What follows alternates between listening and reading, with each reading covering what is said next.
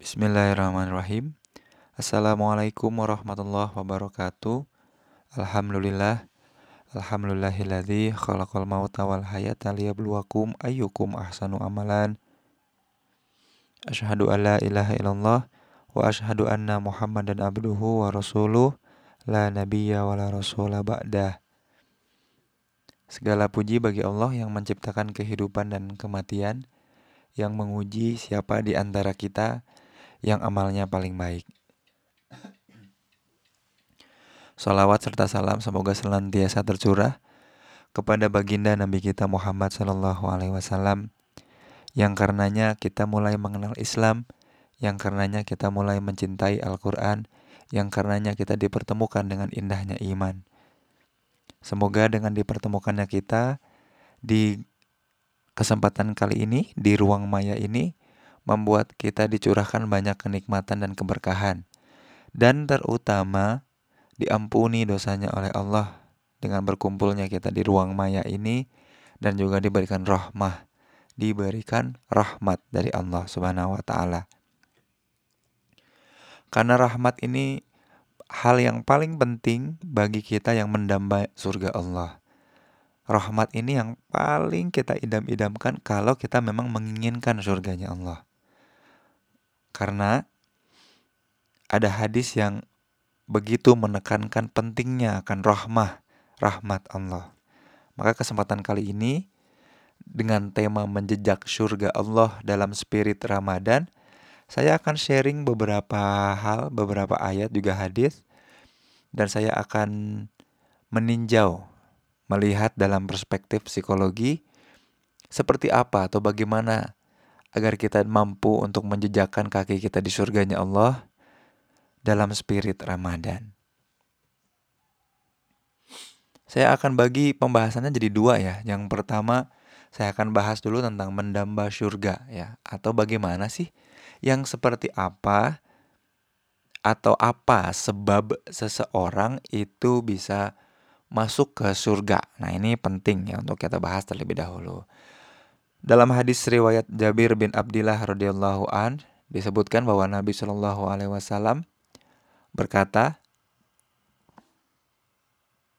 La yudkhilu ahadam la yudkhilu ahadan minkum amalul jannah. Jadi Rasulullah SAW dalam suatu buah kesempatan mengatakan, La yudkhilu ahadan minkum amalul jannah. Tidak ada amalan seorang pun yang bisa memasukkannya ke dalam surga. Jadi Rasul bilang nih di satu forum ya ketika berkumpul dengan para sahabat, Rasul bilang tidak ada amalan seseorang yang bisa memasukkannya ke dalam surga.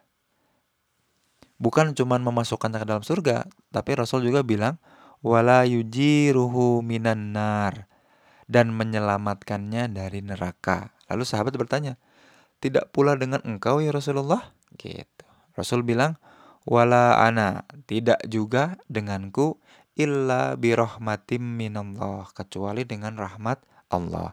Hadis ini diriwayatkan oleh Muslim nomor hadisnya 2817 ya.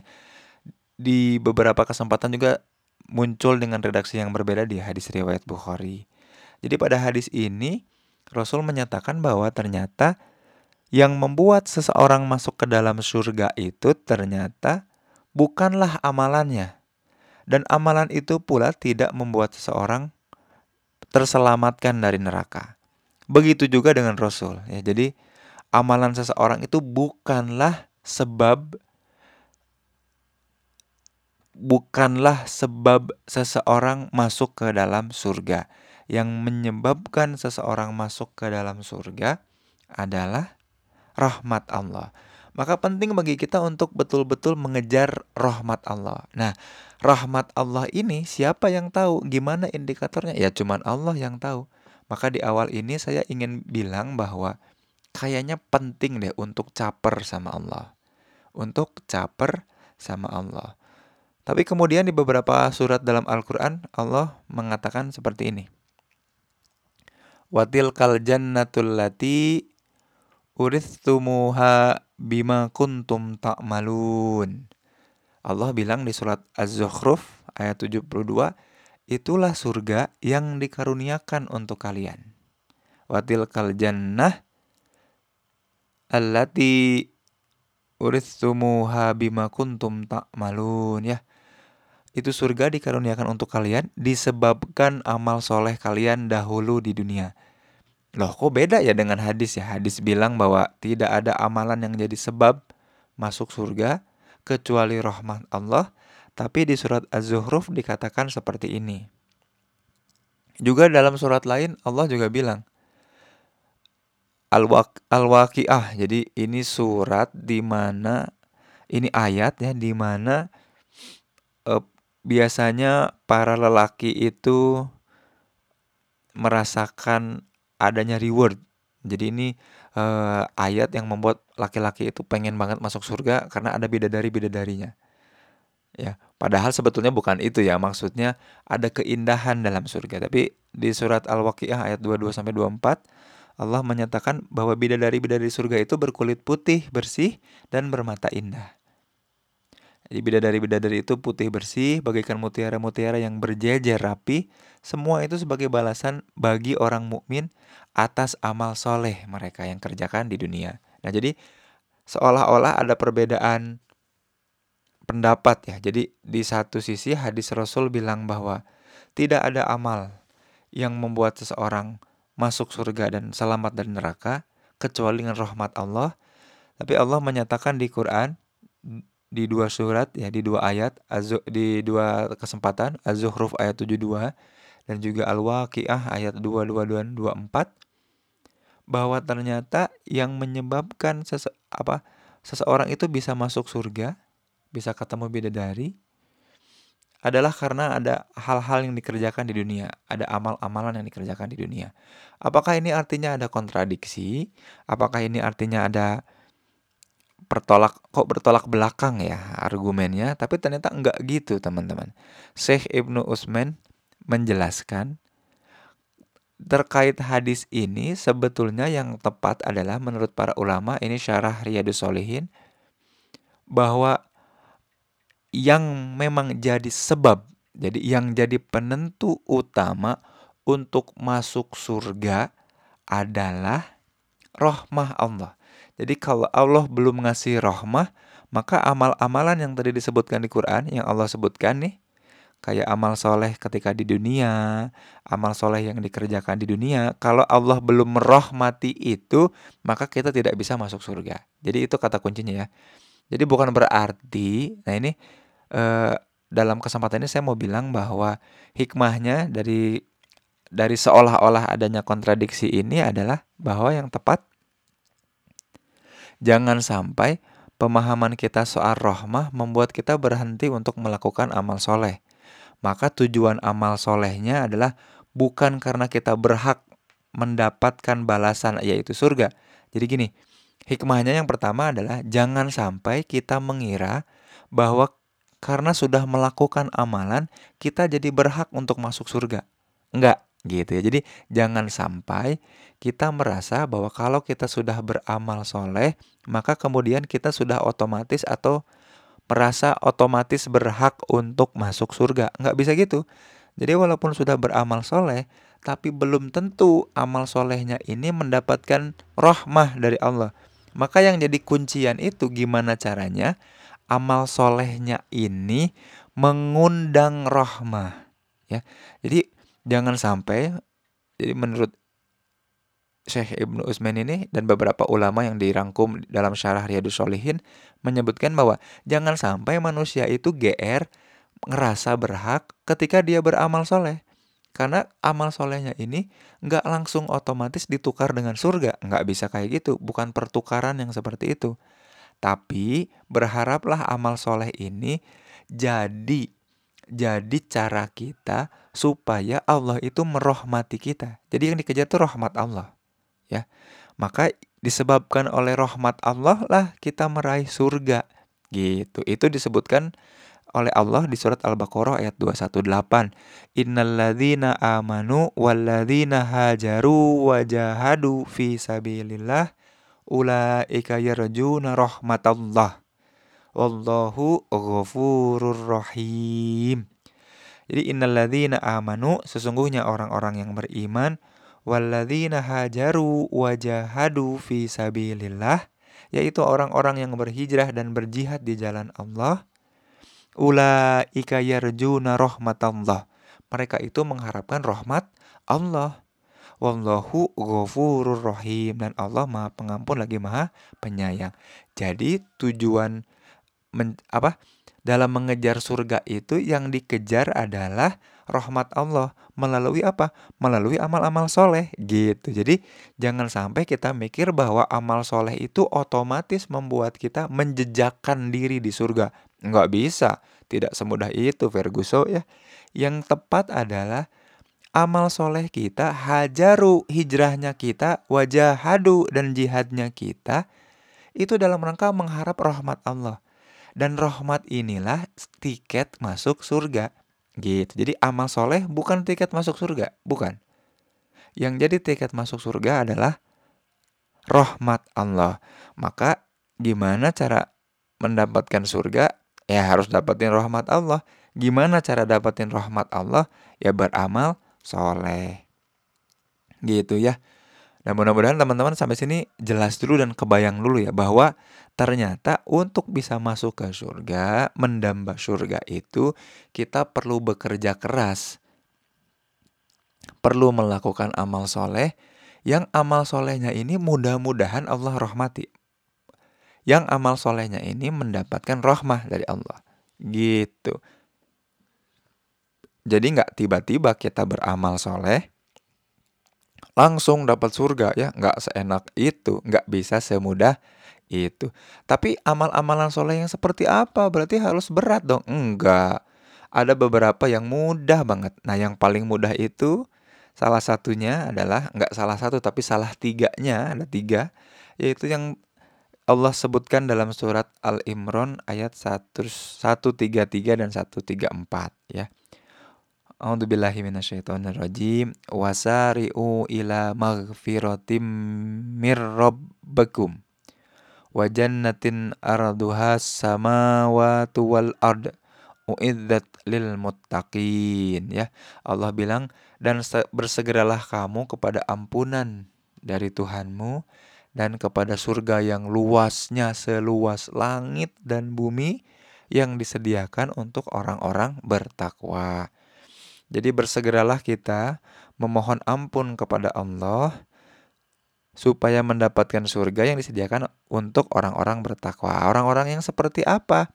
Alladzina yunfikuna fi sarra'i wadh-dharra wal kadhiminal ghaidha wal afina 'anin nas wallahu yuhibbul muhsinin yaitu orang-orang yang menafkahkan hartanya, baik di waktu lapang ataupun sempit, dan orang-orang yang menahan amarahnya, ya, menahan amarahnya dan memaafkan kesalahan orang lain.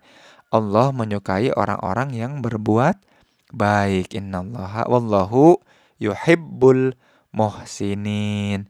Jadi di uh, ayat ini 133 dan 134 surat Al-Imran Allah bilang ternyata tugas kita bukan cuma mencari rohmah, tapi rohmah itu bisa didapat ketika Allah sudah mulai mengampuni, yaitu ngasih magfiroh. Ya, kalau Allah udah ngasih magfiroh, di ayat ini disebutkan bahwa Allah kemudian akan willing atau sepertinya akan lebih memungkinkan untuk memberikan kita rohmah. Apalagi kalau kita bertakwa, yaitu dengan tiga ciri tadi.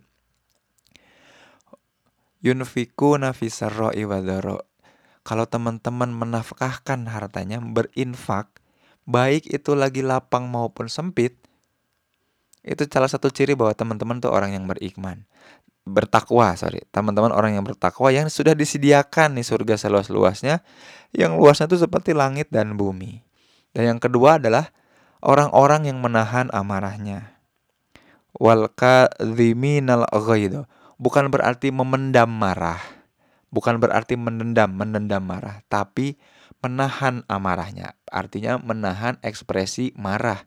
Marahnya boleh, boleh, tapi ekspresinya yang elegan, yang positif, yang tidak agresi. Apa itu agresi? Tidak berniat menyakiti, melukai orang lain. Jadi niatnya aja tidak menyakiti, sudah pasti memang perilakunya tidak menyakiti juga.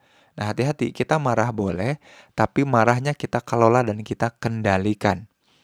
Dan yang ketiga adalah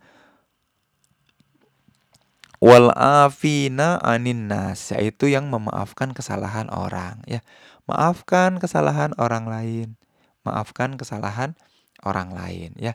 Nah, di bagian pertama ini mudah-mudahan jelas ya bahwa oh, ternyata ternyata untuk mendamba surga Allah tidak serta-merta kalau kita beramal soleh otomatis dapat surga. Enggak gitu. Ternyata caranya adalah dengan beramal soleh itu supaya kita mengundang rahmah dari Allah. Caper sama Allah. Dan ciri Allah mau ngasih rahmah itu kalau Allah udah ngasih magfirah. Maka diminta kita bersegera untuk dapat ampunan. Kaitannya sama spirit Ramadan apa? Nah ini di bagian kedua. Ramadan itu beberapa ulama menyebutkan bulan penuh magfirah.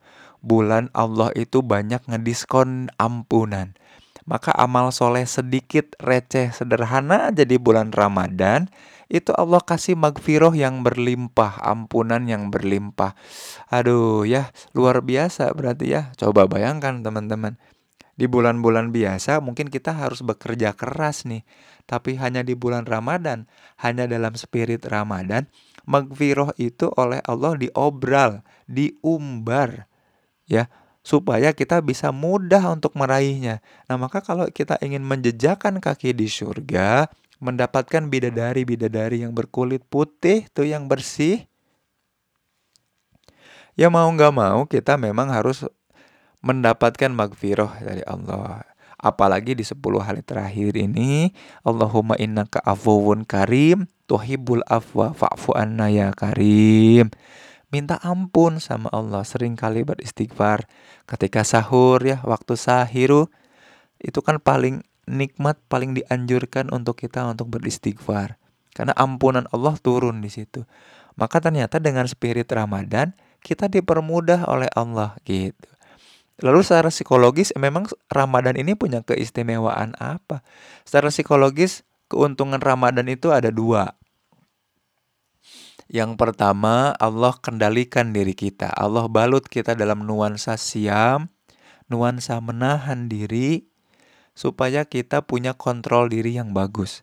Kontrol diri ini hal yang paling penting dalam diri manusia untuk bisa mencapai satu tujuan atau prestasi tertentu self control. Dalam psikologi dikenal dengan self control teori.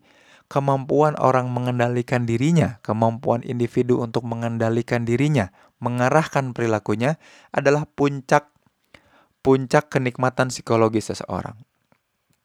Jadi tidaklah seseorang disebut betul-betul normal secara psikologis, sehat mentalnya jika dia tidak bisa tidak mengendalikan dirinya. Jadi memang harus bisa mengendalikan diri. Dan hanya pada puasa lah kita dilatih untuk mampu mengendalikan diri kita.